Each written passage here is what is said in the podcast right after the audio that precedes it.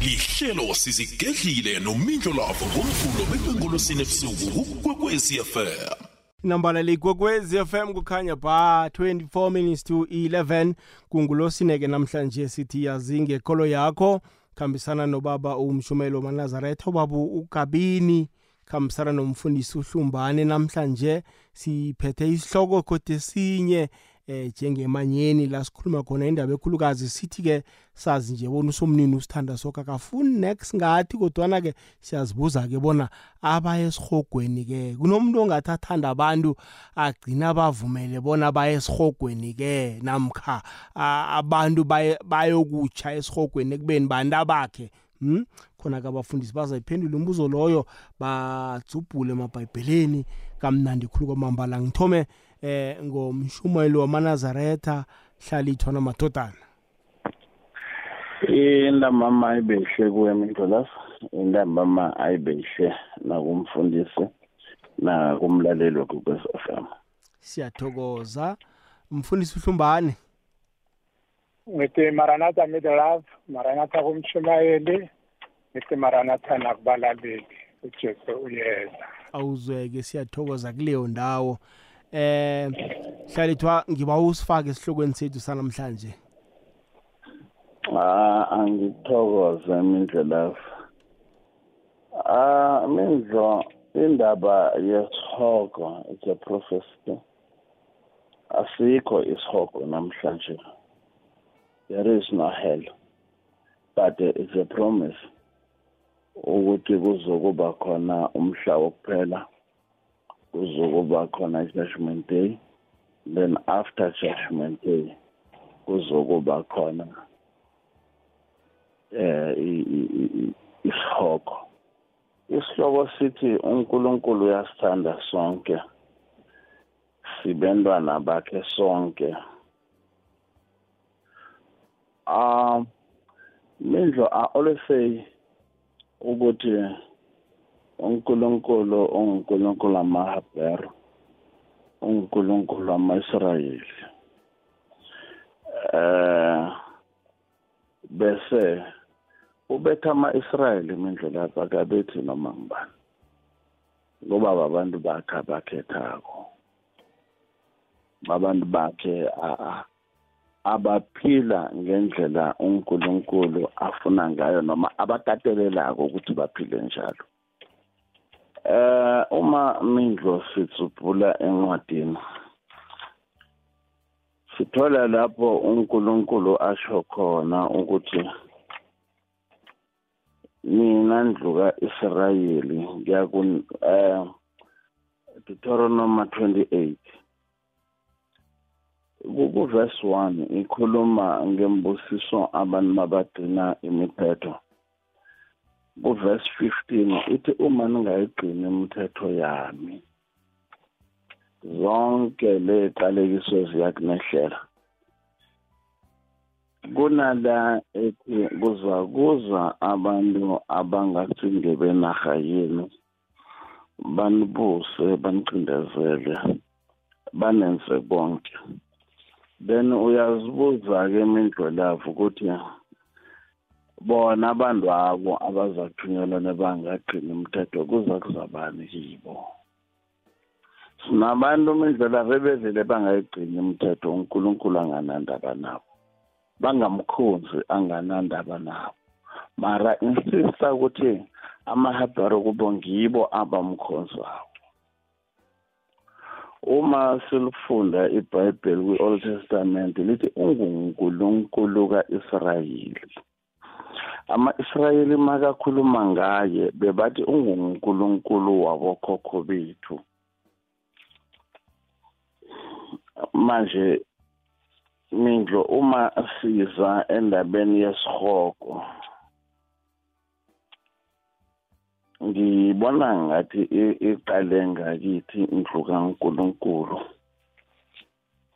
Iqale ngakithi ayikadali nanoma ngakubani mindlu lapho ngoba isiqalekiso esithi ngiza kuthumela isizwe sakude sinihlukumeze lezo zizwe zakude zibetha kithi indlu kankulunkulu ndlu emnyama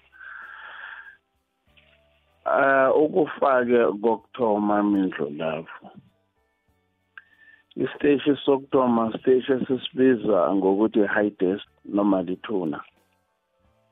Umuntu ke uyadlula ethuneni aye paradise emndenini wekhaba odlulile kwethuneni uLuke 16 from verse 19 ithi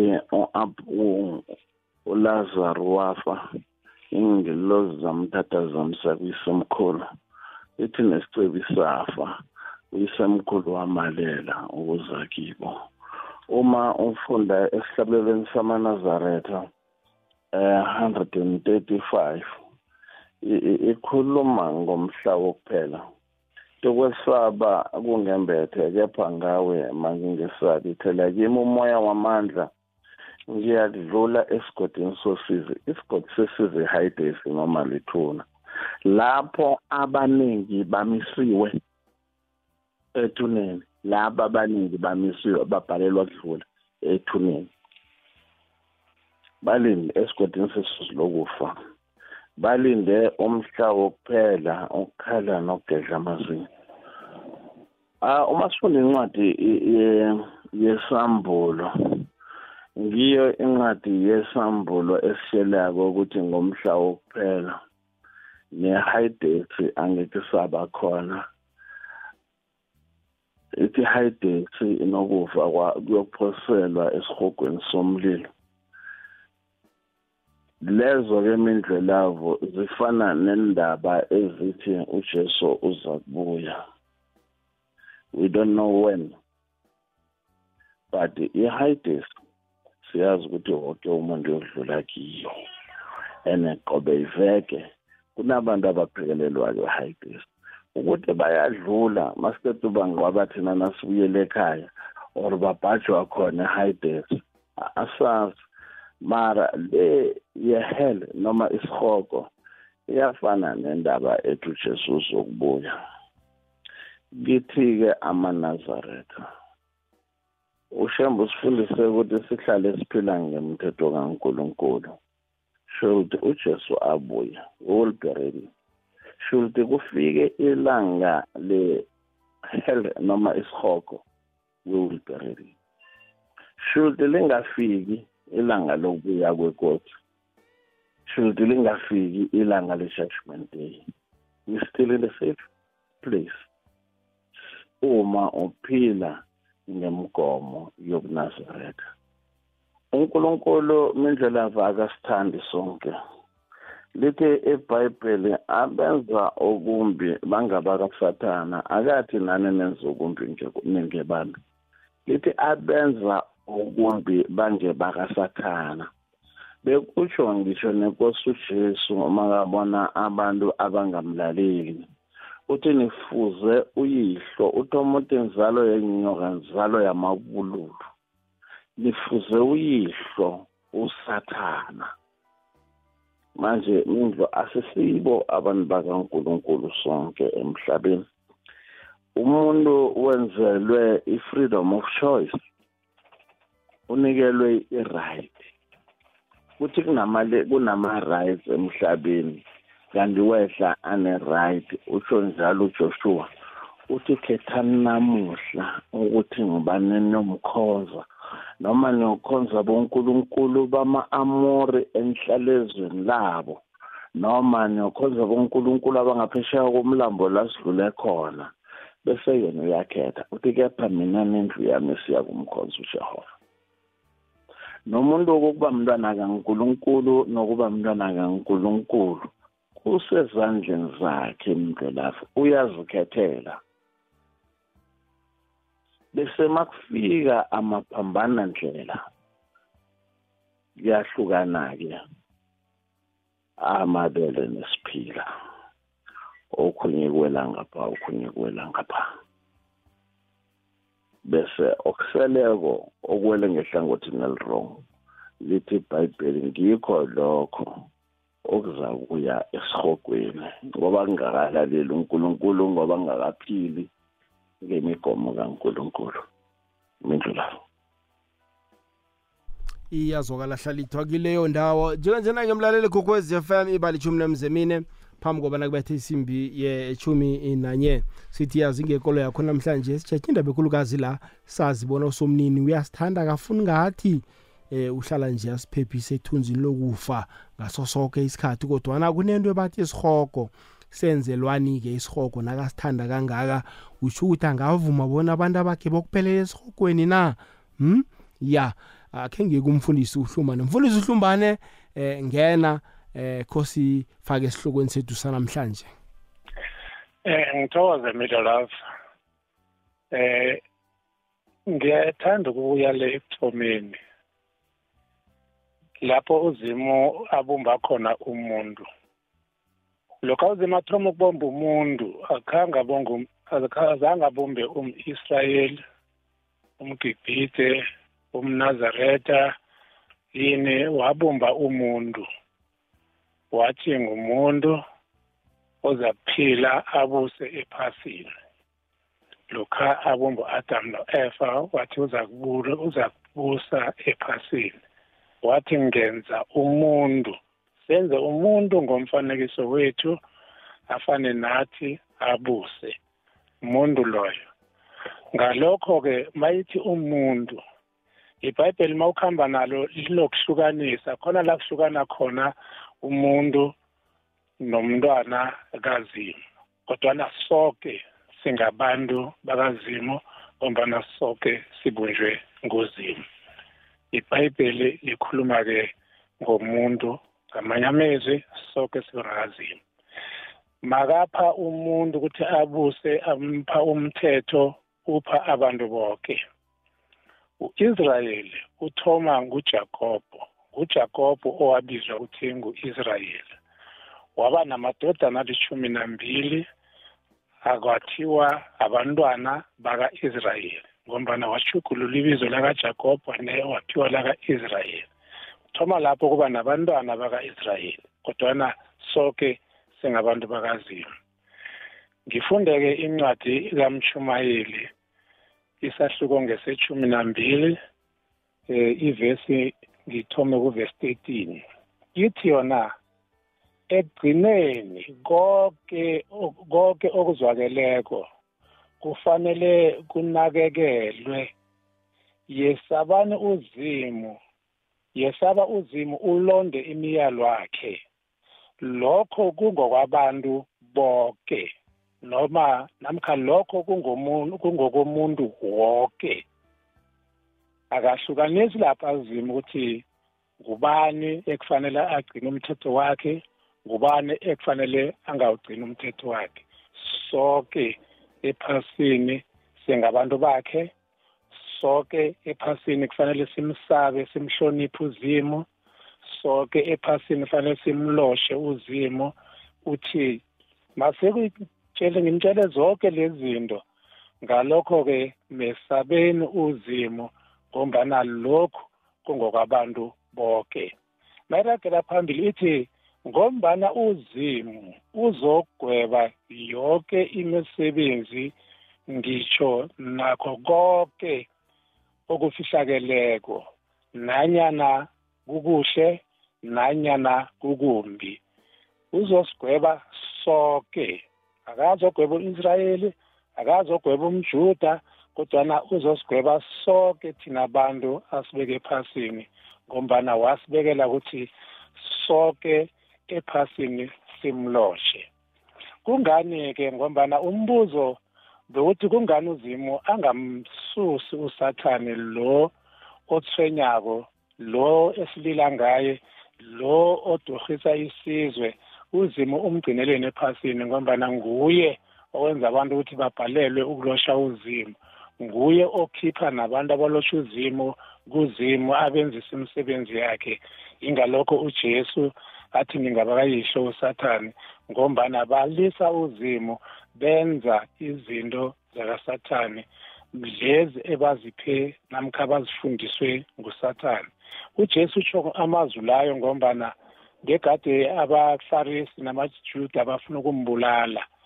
Mabafuna umbulala uthi lo msebenzi kayihlo usathane msebenzi wakhe ukubulala namanga msebenzi wakhe ngifundiswe nguyisho konke nikwenzako la mawenza umsebenzi kazimu then uthi uzimu nibantwana bami. Incwadini kajakob uthi siphiwe ukuthi sibizwe ukuthi simadodana namadodakazi kazimu. Lokhu asimlosha ngokufaneleko sibulunga imithetho yakhe ngale ndlela yena asho akhuluma ngayo. Kunencwadi kaIsaya 45 ivesi yaka 22 Isaya 45 verse 22 uthi yizani kimi nisindiswe nonke nina mikhawulo yephasi ngombana nginguzimu begodu akakho omunye. Izani kimi nisindiswe mina nonke. Akakhethi ibala lamuntu uthi thina sonke akakhethi ikereke yiphi uthi thina sonke siphilayo esiphasini ephasini size kuye sisindiswe.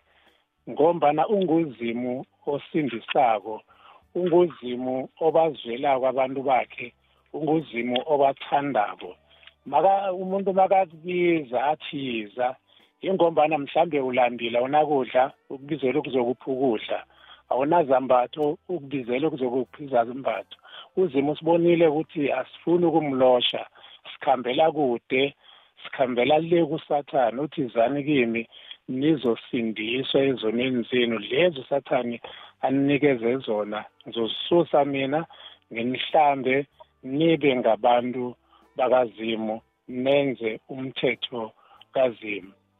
Ngiyafunda incwadi yabase-efesu isahluko ngesesithandathu ivesi ngiyechumi nechumi nanye. Uthi kokugcina qinani enkosini nemandleni wayo amakhulu.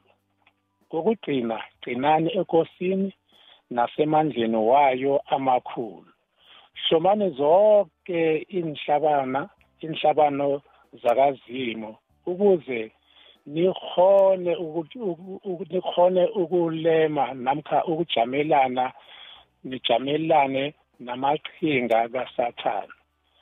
Hlomani izikhali zonke zakazimu zenibe namandla okujamelana namaqhinga kasathane ngombana uzimu unamandla usathane unamaqhinga. Ngalokho thina sinamandla esiwaphiwa nguzimu sinezinto esikwazi ukuvikela ngazo amandla amaqhinga kasathane. Izinto ezo ukufunda ilizwi lakazimu ukuthandaza ukuhlabelela udumisa uzimu. Ngizo iy'nkhali ozavimba ngazo amaqhinga kasathane. Uzimu usibizela lokho-ke ukuthi sonke singabantu bakhe sonke kufanele simloshe sonke kufanele size kuye. Kungani kufanele size kuye? Incwadi kaJohn wokuthoma isahluko sesine ivesi yaka-8 ithi uzimu uluthando ngamanye amazwi ngamanye amezwi uzima ayithi uzimu unothando. Le ithi uzimu ulithando. Masiqale uzimu sibona uthando. Mangithi anginalo uthando ngamanye amezwi anginaye uzimu. Kodwana uzimu ngombana aluthando ungipha lo thando ngembana lithando usipha ujesu. Ujesu ufika uluba lithando uthanda ibandla lakhe uthanda abantu bakhe ubakhipha ezonweni uyabaphilisa abagulayo ngombana uluthando. Zonke izinto ujesu asikhipha kizo athume nabashumayeli ukuthi bashumayele uthi bathandazele bakhiphe abantu izinto ngezifakwe ngusathane zonke kodwana uzimo akakamubhubhisi usathane ngombana sikafiki isikhathi sokubhujiswa. Incwadi yesambulo uma ikhuluma ngokubhujiswa ithi bonke abangakholwako bangamlaleli uzimo baza kuphoswa emlilweni nosathane naye aphoswe emlilweni nomprofeti wamanga aphoswe emlilweni. Ngombana udurhise isizwe badurhisa bonke abantu umlilo umfanele ukubhujiswa kukhona. Ukubhujiswa ngiso isihogo uzima akhuluma ngaso esisithola encwadini encwadini yesambulo. Lapho athi umlilo uza kuvela ezulwini ngesambulo 22 umlilo uza kuvela ezulwini utshise bonke nosathane nomprofeti wamanga. Bakhulunywa ngesihogo kukhulunywa ngaleyo nto ezakuza. Ayikafiki nje. Akekho umuntu oyezulwini nje akekho umuntu oyesihogweni. Kodwana sonke lokho asifako siyemathuneni silinde ngaleso sikhathi ujesu azabuya. Ibhayibheli lithi ngakabuye kokuthoma ujesu uzovusa abantu abafileko egade bakholwa abaphilayo bakhambe baye ezulwini bakuphela iminyaka ey'kulungwane ababuyise ephasini kulapho usathane azakutshiswa khona kulapho abantu bazakubona khona isihogo ngombana sona sizoba khona asikabi khona siseza. Ngithokoze imidlo lapha. Ya yazwakala wayibeka yanaba mfundisi wami ngamanye amagama utsho ukuthi usomnini ukhambela kude nendaba yesihogo. Silungisiwe. Ngamanye amezwi ibhayibheli uma ikhuluma ngesihogo azange silungiselwe abantu. Mm. silungiselwe usathane nengilosi zakhe lezi Oh. nazo ezulwini. Abantu sibantu nje ababawi-lift eya esihogweni ngokwenza izinto zikasathane. So silungiswe ngubani? Silungiswe nguzini. Oh. Ah. Masi- masifunda ifunde encwadini yesambulo 22 ithi kuza kuvela umlilo ezulwini uzotshisa bonke abantu nosathane nomprofeti wamanga into evela ezulwini ivela kuzini? Ya i- iyazwakala kileyo ndawo. Iba mthathu ke ngaphambi kobana kubethe isimbi yechumi nanye. Eh mshumayeli ngiyakuzwa uthi indaba yesihogwe le abayikho se- sewuyikolelo nje? Yiprofethi akusiyikolelo nje. Oh iprofesi yiprofesi. Manje amanye amaprofesi aya-accomplisheka. Hmm. mara-ke uma uzimu athembisa amento lafo bese athi "A- a- angisakwenzi lokhu kufanele atshele bani azositshela? Ngikho ngithi thina khulukhulu we don't dwell too much kwima-profesi sizilungisa thina. Ukuthi if ayenzeka asithole siwalindile but nje into esicalene nayo is to enjoy impilo ngendlela uNkulunkulu asihlelele ngakho nangendlela afuna siphile ngakho to the fullest. Without fear yengihogo nani. Net ukuthi sibe on the safe side ukugcina imithetho kaNkulunkulu. Ukuthi if kuyenzeka sitholakale si ngehlangothini lakazimu singekho ngehlangothini lokuyesihogweni iya eh ungangena mfundisi.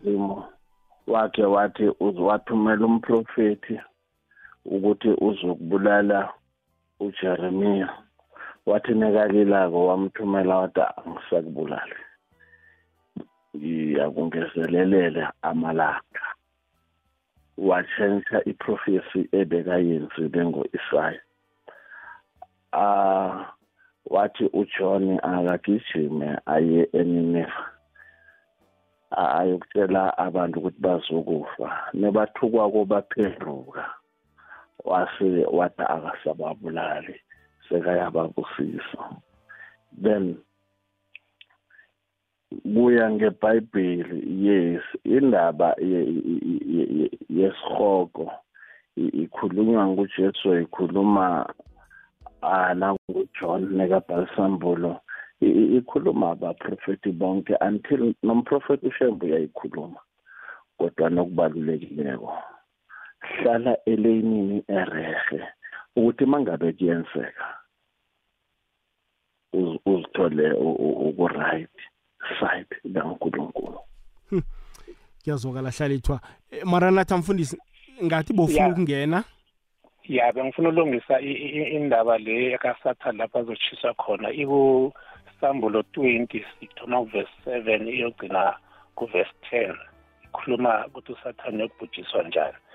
Um ngiyathanda into ekhuluma ngumfumu- eh, iyiprofesi ingakho bekungabaprofeti. Fale sazi ukuthi abaprofeti neprofesi yini. Abaprofeti azange bakhulume into yabo bakhuluma into egade bayitshelwa nguzimu. Then ithi mawuyithoma incwadi yesambulo uzimu makathula le prophecy kuJohn ithi nguzimu unikeza uJesu amezwi la. uJesu awanikeze ingilosi ingilosi inikeze uJohn uJohn adlulisele ebantwini. Uthi-ke makaqeda umupha le prophecy uthi bhala ngombani indwezi zizokwenzeka msinyana. Iprofesi yinto ezokwenzeka uzima usitshela ngento ezokwenzeka. Masithi siyakholwa-ke usitshela ukuthi kholwane ngombana lokhu aningakholwa ningenzi umthetho wami isiphetho ngilesi.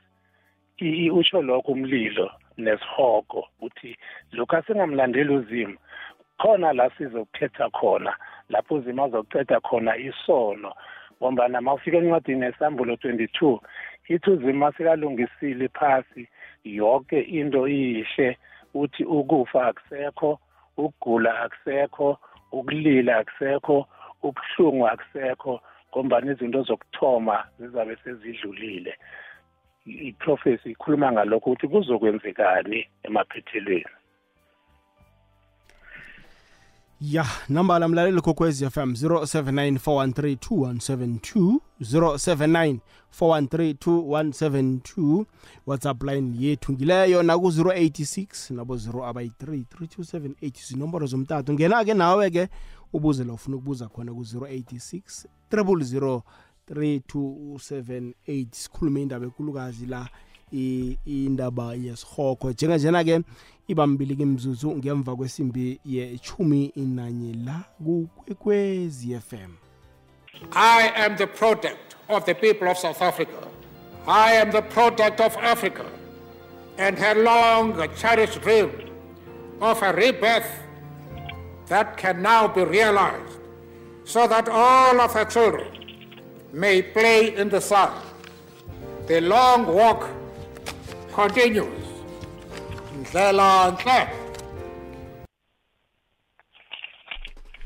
leyikwekwezi fm kukhanya pha 086 0003278 079 eh ehlalithwe ngiyakuzwa na uthi indaba yesihoko le iprofesi em uzimu kuna iprofesi le ivela ngobani ivela ngozimu namkha? Eh sikholelwa ukuthi konke okusebhayibhelini angithi okuningi okuvela ngabaprofeti vane kulizwi lakazimu uNkulunkulu akeza nabantu ukhuluma ngomprofeti nabantu maye nangithi kokhunye amaprofethi akuhamba aguquka mindlolafu mm. Masugijima uthi kunesihogo uyokuthengisa into zakho abantu imali akho ngoba uthukiwe basho usalungana nethule nje isihogo uzokuhlaga emhlabeni. You enjoy life. uNkulunkulu kuGenesis 6 verse 6 siyazi wenza umuntu wamthanda but ithi uNkulunkulu wathi ngiyazisola ukuthi ngibenzeleni abantu. Ngenxa yokuthi abantu bawele esonweni wayengabizeli ukuthi uyozisola ngelinye ilanga. But ibhayibheli isikhombisa ukuthi okhunye uNkulunkulu uyazisola ngoba uthuma umpristi uSamuel ukuthi ayogqoba uSawuli. But mawufunda incwadi kaSamuel wokuthoma chapter 15 verse 35 ithi ngiyazisola ukuthi ngimenzeleni uSawuli waba inkosi nguNkulunkulu nguye wamenza uSawuli.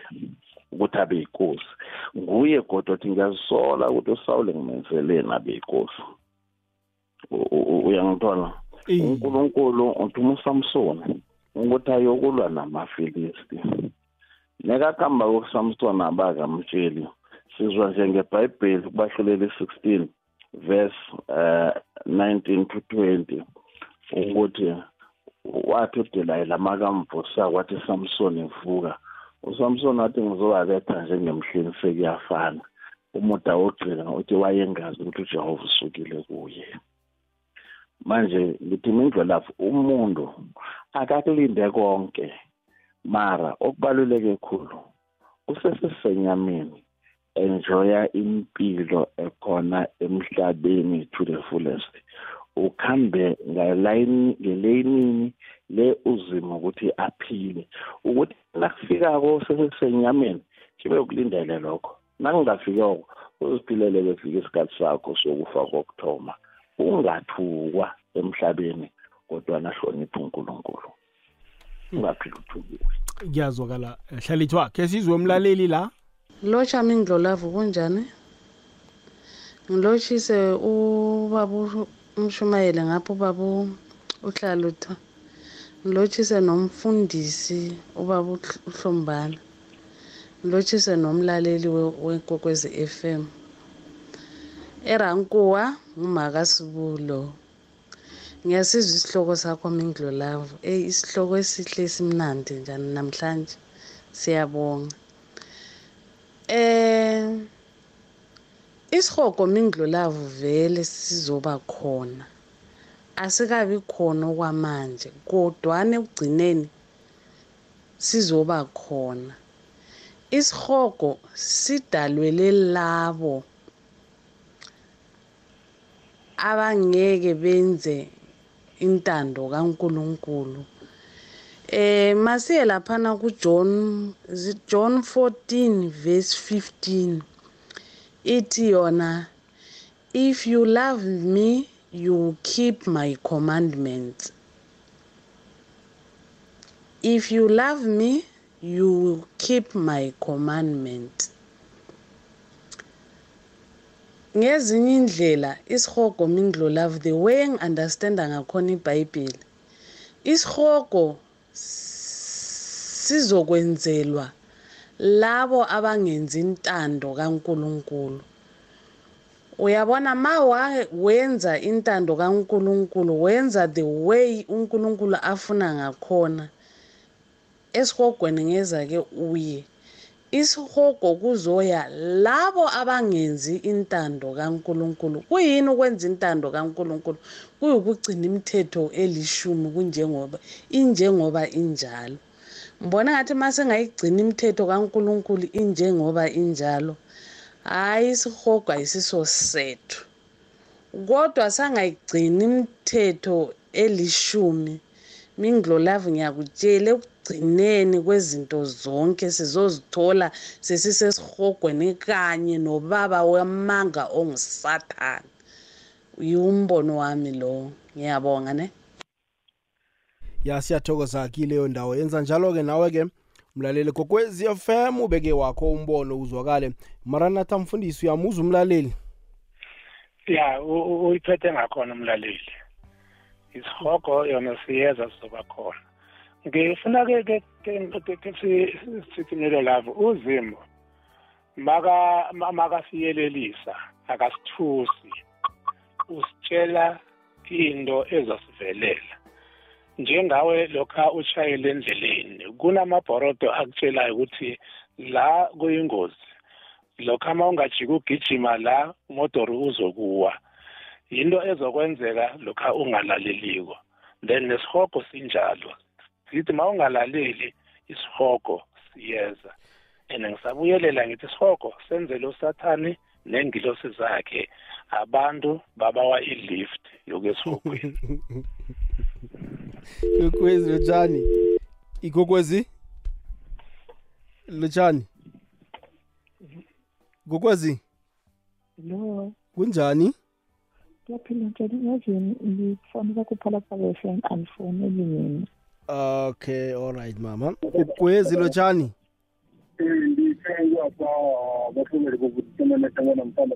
kokwezi hello. Kunjani baba? Eh kunjani? Ngiyaphila njani? All right hayi babona ngathi ulahlekile kokwezi lotshani? Lotshani?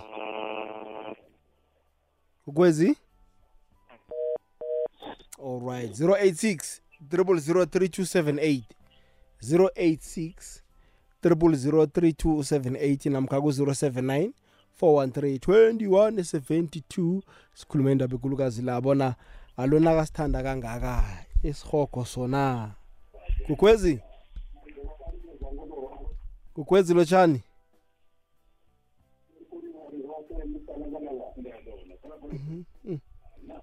Lotshani?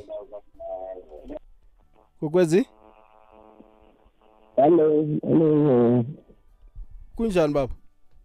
Ngiyaphila kunjani lo? siyathokoza. Sikhuluma nobani kuphi? Ngikhuluma nojayi wethu. Okay baba umbono wakho uthini Nginombuzo baba. Ilayini lakho alisimnandi yazi raga baba bengithi mina ngibuza ukuthi ubone umntwana lo mm umnikele umthetho njengobaba. iye Umntwana angawenzi umthetho wakhe. Mm. Uyomthusa. Mm. Lapho umthanda. Ngoba ngezange umthetho wakhe. umbuzo omuhle umbuzo omuhle siyakuzwa Umthwaliwe yonke into into ebuhlungu kangaka.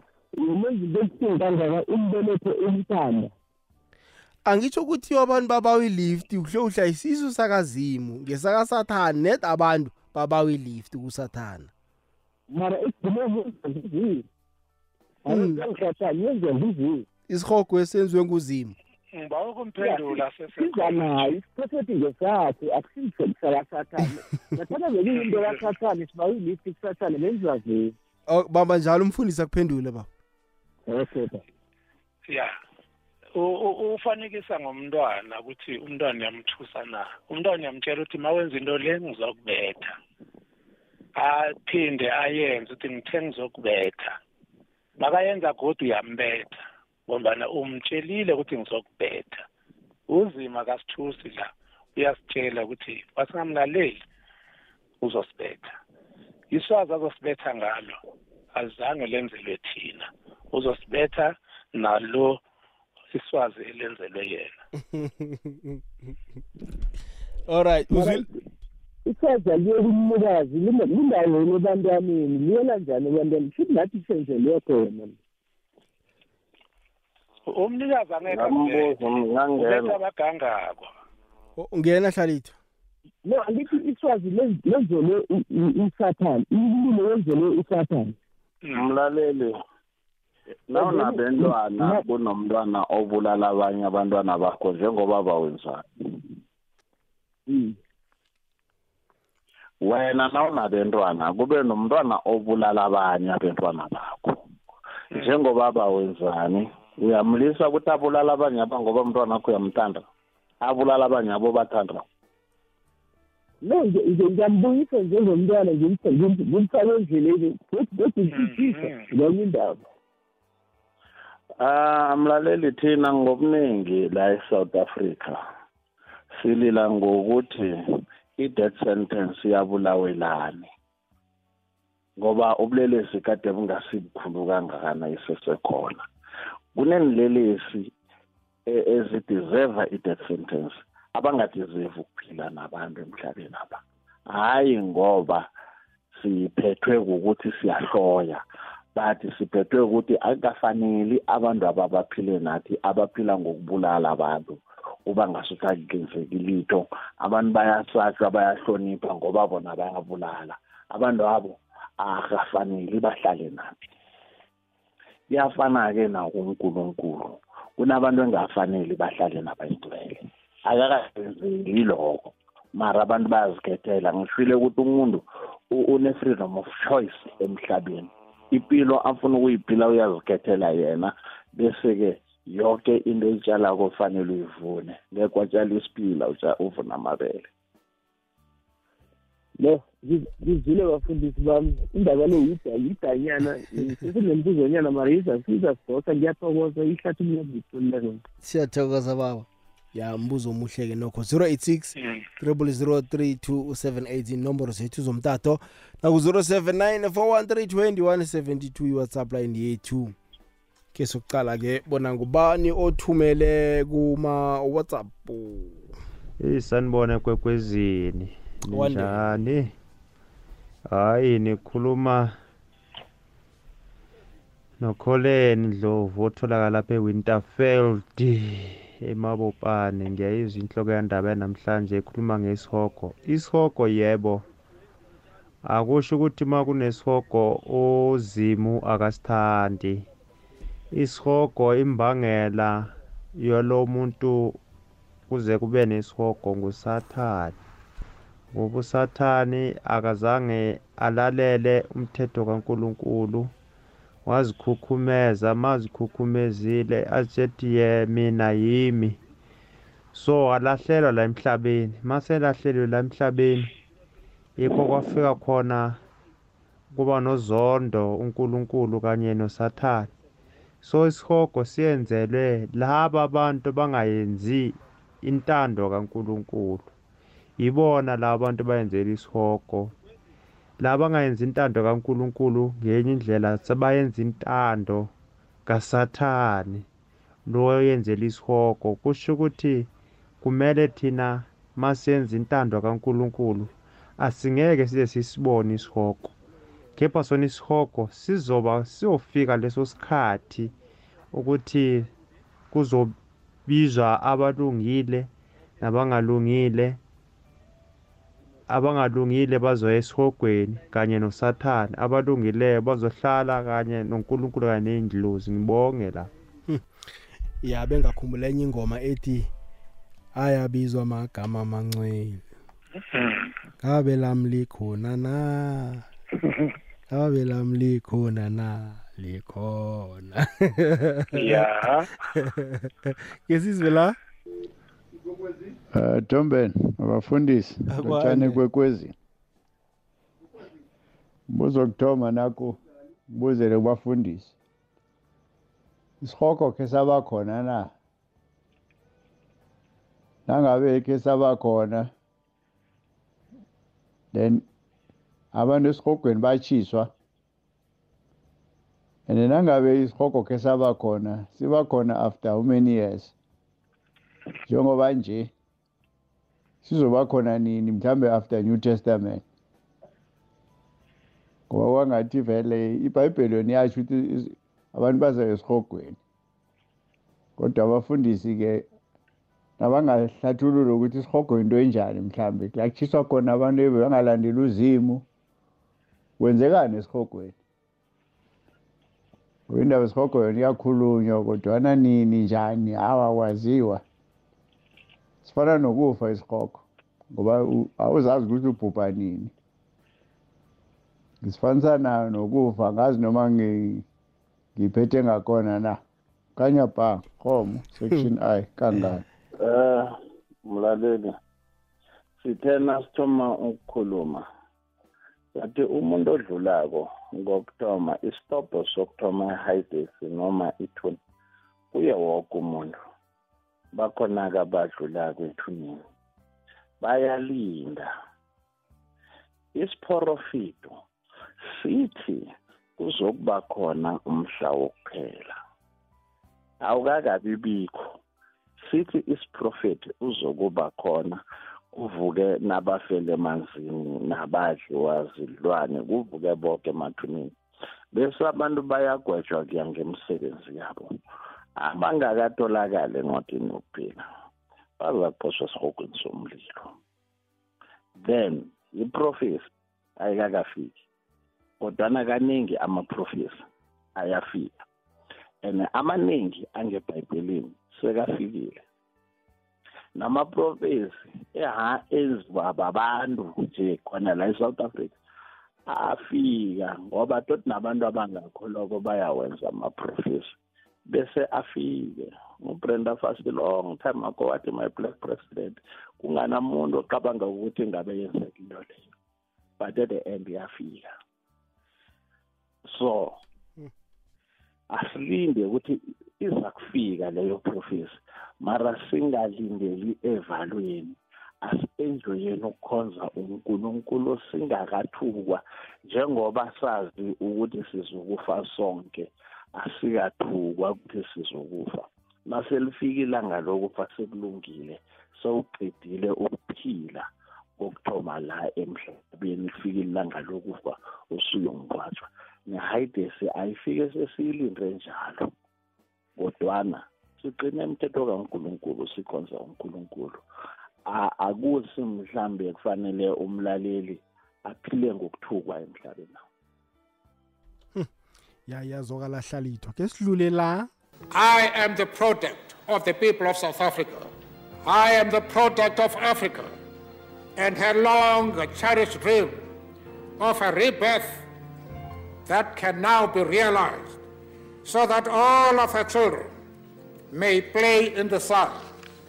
The long walk continues.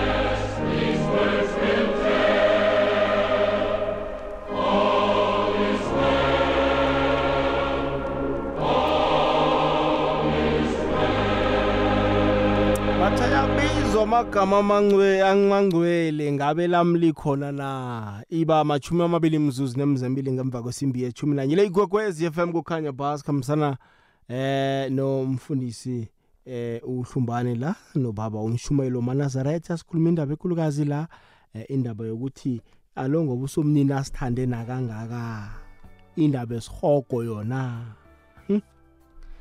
Mara nathi amfundisi ngasibona ungangeza uthini ngoba sipheze sesiye emaphethelweni? Eh ake mfunde nje incwadi yamahebheru eh isahluko ngesesibili indinyana ngeshumi nane. Ithi yona njengombana abantwana bahlanganyela in bahlanganyela inyama nengazi naye wahlanganyela naye wahlanganyela konokho.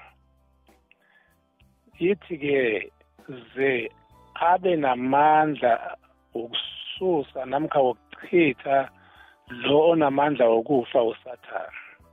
Ngombana usathane ibhayibheli lithi uzele ukubulala ujesu uzele ukuphilisa.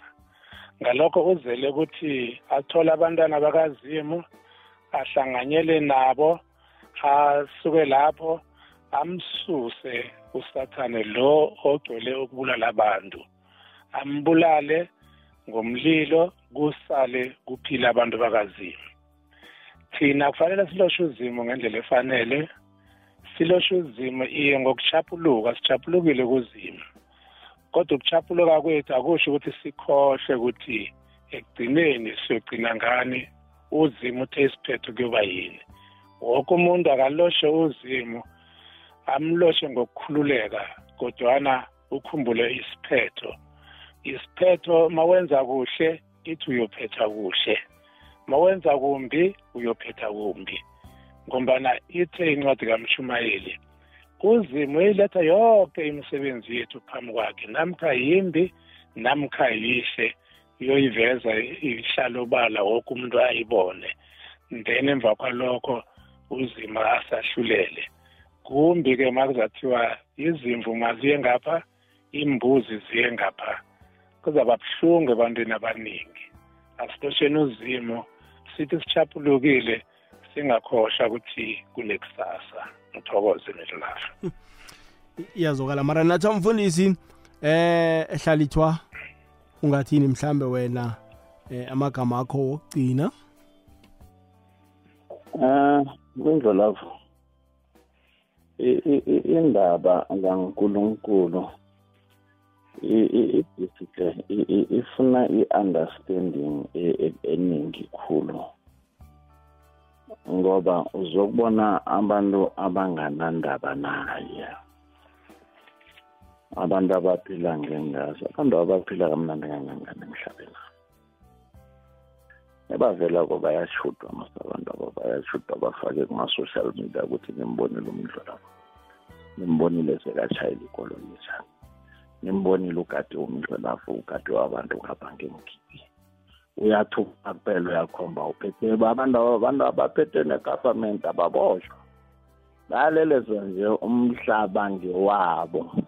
Manje imindlolavu lithi ibhayibheli abambi bayokwabelwa ukufa kwesibili.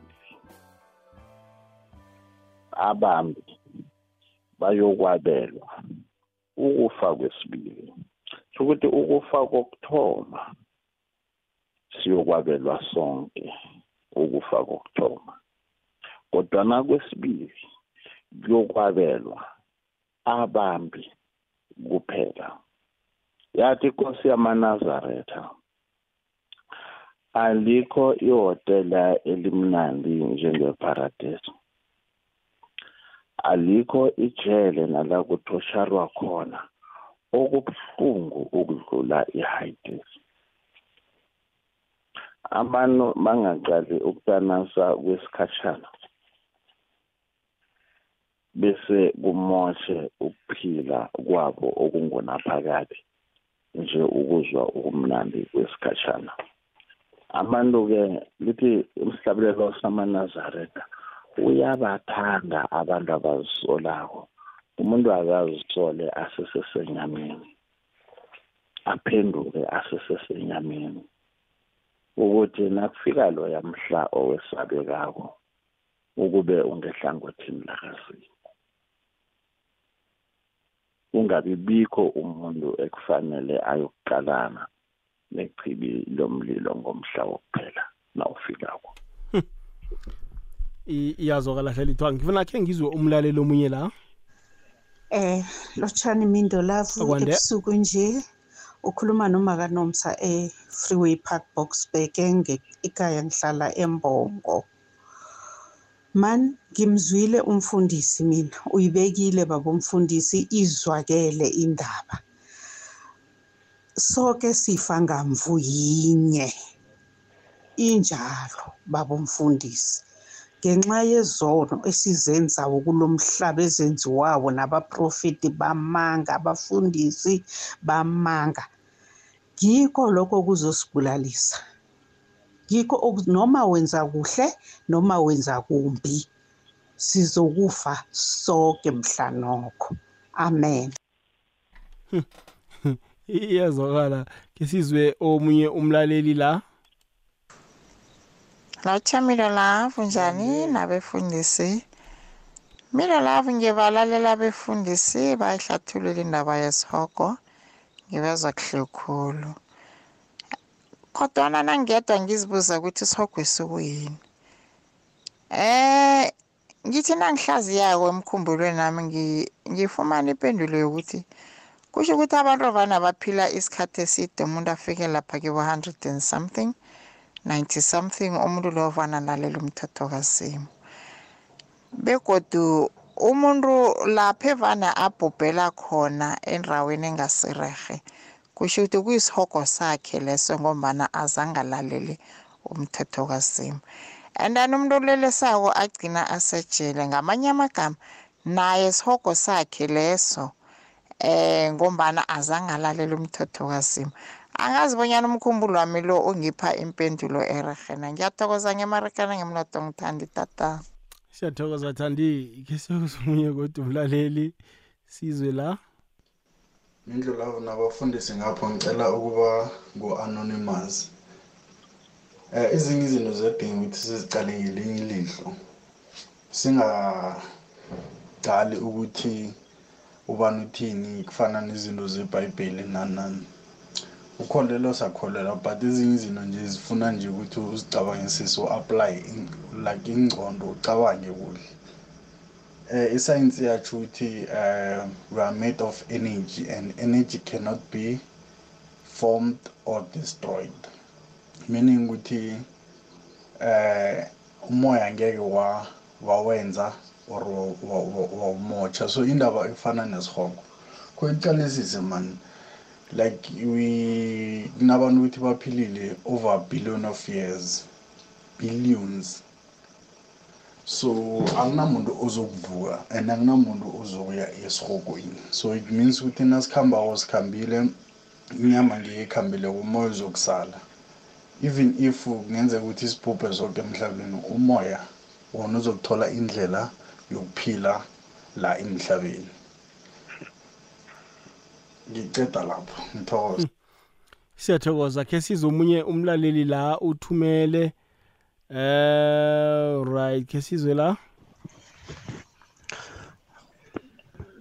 Lotsha igama lami ngonhlani phangewitenge ngokuzwa kwami mina isihoko isihoko ihliziyo yomuntu. Umuntu angakhona ukuziphatha kuhle isihoko sakhe lesi i- inkinga zakhe azenzako nendlela zakhe azikhamba yizo isihoko sakhe maziphethe kuhle uzakuphumelela empilweni nasena uzima aphumelele uzima mthanda angakayi esihokweni isihoko ihliziyo yomuntu. Ya ungathini kilokho maranatha mfundisi? Ngelo lapho Mm. abona ngathana ijele isihoko ngishumayela khona ejele. Bayasuguluka abantu baphume ejele abanye bangabashumayeli nje abanye bangabafundisi ngombana ijele akusisihoko ihliziyo yomuntu akusisihoko ngombana umuntu uyashunyayezwa asuguluke azilise izono zakhe abe mshumayeli abe umfundisi akukabi isihoko isihoko siseza kilabo abangafuni ukuchuguluka nalaba abenza izinto ngeqane nalaba abamphikako uJesu. Njengombana esikhathi sakanowa unowa washumayela 120 years kodwana abantu baphuluswa baba 80 kuphela ashumayele 120 years ngombana bangafuni ukulalela baphuluswa manje kusafana nalokho. Babemphikisa unowa kodwa ayikho lento ezokwenzeka. Ngeke kubhujiswe umhlaba. Namhlanje abantu bazathi isihoko asikho abantu angeke babhujiswe kodwa ekugcineni siyeza. Hayi ke a- asiyivaleni ke asiyivaleni ihlalithwa uyivale nenombolo Ah. zakho la utholakala khona. Anonymous. I- iscience ne-religion. Azihlangani mna kwethu. Angeke wadebate i-religion nge-science noma i-science nge-religion. I-science ukhuluma nge-science mara ukhuluma ngomoya ophilako. I-science ayinayo into leyo yokuthi kunomoya ophilako. Ayinayo into yokuthi kunonkulunkulu. Ayinayo into yokuthi kunento engabonwako ngamehlo ngoba kuya nge-science engabonwako ngamehlo fanele ibonwe ngemishini manje i- i-science ne-religion zinto embili ezinye ah ku-negative no-positive azihlangani nakanye. Manje sisekolweni thina ikolo ikholelwa kumoya. Ikolo ikholelwa kuma-witchcraft of which i-science ayikho kuma-witchcraft. Ikolo ikholelwa kuma-prophecy of which i-prophecy ayikho A- azihlangani mna kwethu izinto embili ezo nawungusayensi ukhambela kude khulu nonkulunkulu unless isayensi uyifundela nje ukuthi uthole umbereko ufunde. Isayensi ikholwa ukuthi sathoma saba zimfene before siba abantu. Ikolo yona ikholwa ukuthi sadalwa ngunkulunkulu. So iyaphikisana isayensi nekolo. Kodwana-ke abantu bekolo siyakholelwa kwima-prophecy ngikho kaningi ukukhombisa ukuthi siyakholelwa kuma-prophecy abantu bagcina sebabhula bacabanga ukuthi ukubhula yi-prophecy ngoba sikholelwa kuma-prophecy bakhipha imali babhule babhule babhule balalele abantu ababhulako ukuthi bathini ngoba sikholelwa entweni enjalo but nge-science you can't prove it. Kodwana uyazi umhlaba kuphela isho njalo isabelo samanazaretha uthanda noma ungathandi uyeza umhlaba kuphela ngiyathokoza indlebe yakho mlaleli ngiyathokoza nokumenywa mindlo lapho ngiyathokoza nawe mfundisi ukuzithatha ithuba isikhathi sakho sokulala uhlanganyele nathi. Mina-ke ngimhlalithwa ngesiyabuswapha inamba mithi zero eight two four two three four five. Seven two. Zero eight two four two three four five seven two. Noma ey'nkundleni zokuthintana facebook hlalithwa kabini noma kwigroup yami ethi amanazaretha on airwaves. Ngiyathokoza mindlalafu sithokozile hlalithwa kuleyo ndawo mara nathi mfundisi nawe layelisa. Ngiyalayelisa kumlaleli. Ngithokoze ukuthi abe nesikhathi sokulalela ilizwi lakazimo elivela kwekwezi f m nakubafundisi nakumshumayele ngithokoze. Inamba yami ithi zero seven nine two eight nine one six eight five. Zero seven nine two eight nine one six eight five. Uzima benani. Thokozile bafundisi bami kodwa kuza kuba njalo nangeveke ezako ningalahli thokoze awuzweke. Sithembeke bona uzitholile impendulo mlaleli gokwez f m ngokujubhula ebhayibhelini lihlelo sizigedlile nomindlo lavo ngomvulo bekwenkolosini ebusuku kukwekwezi fm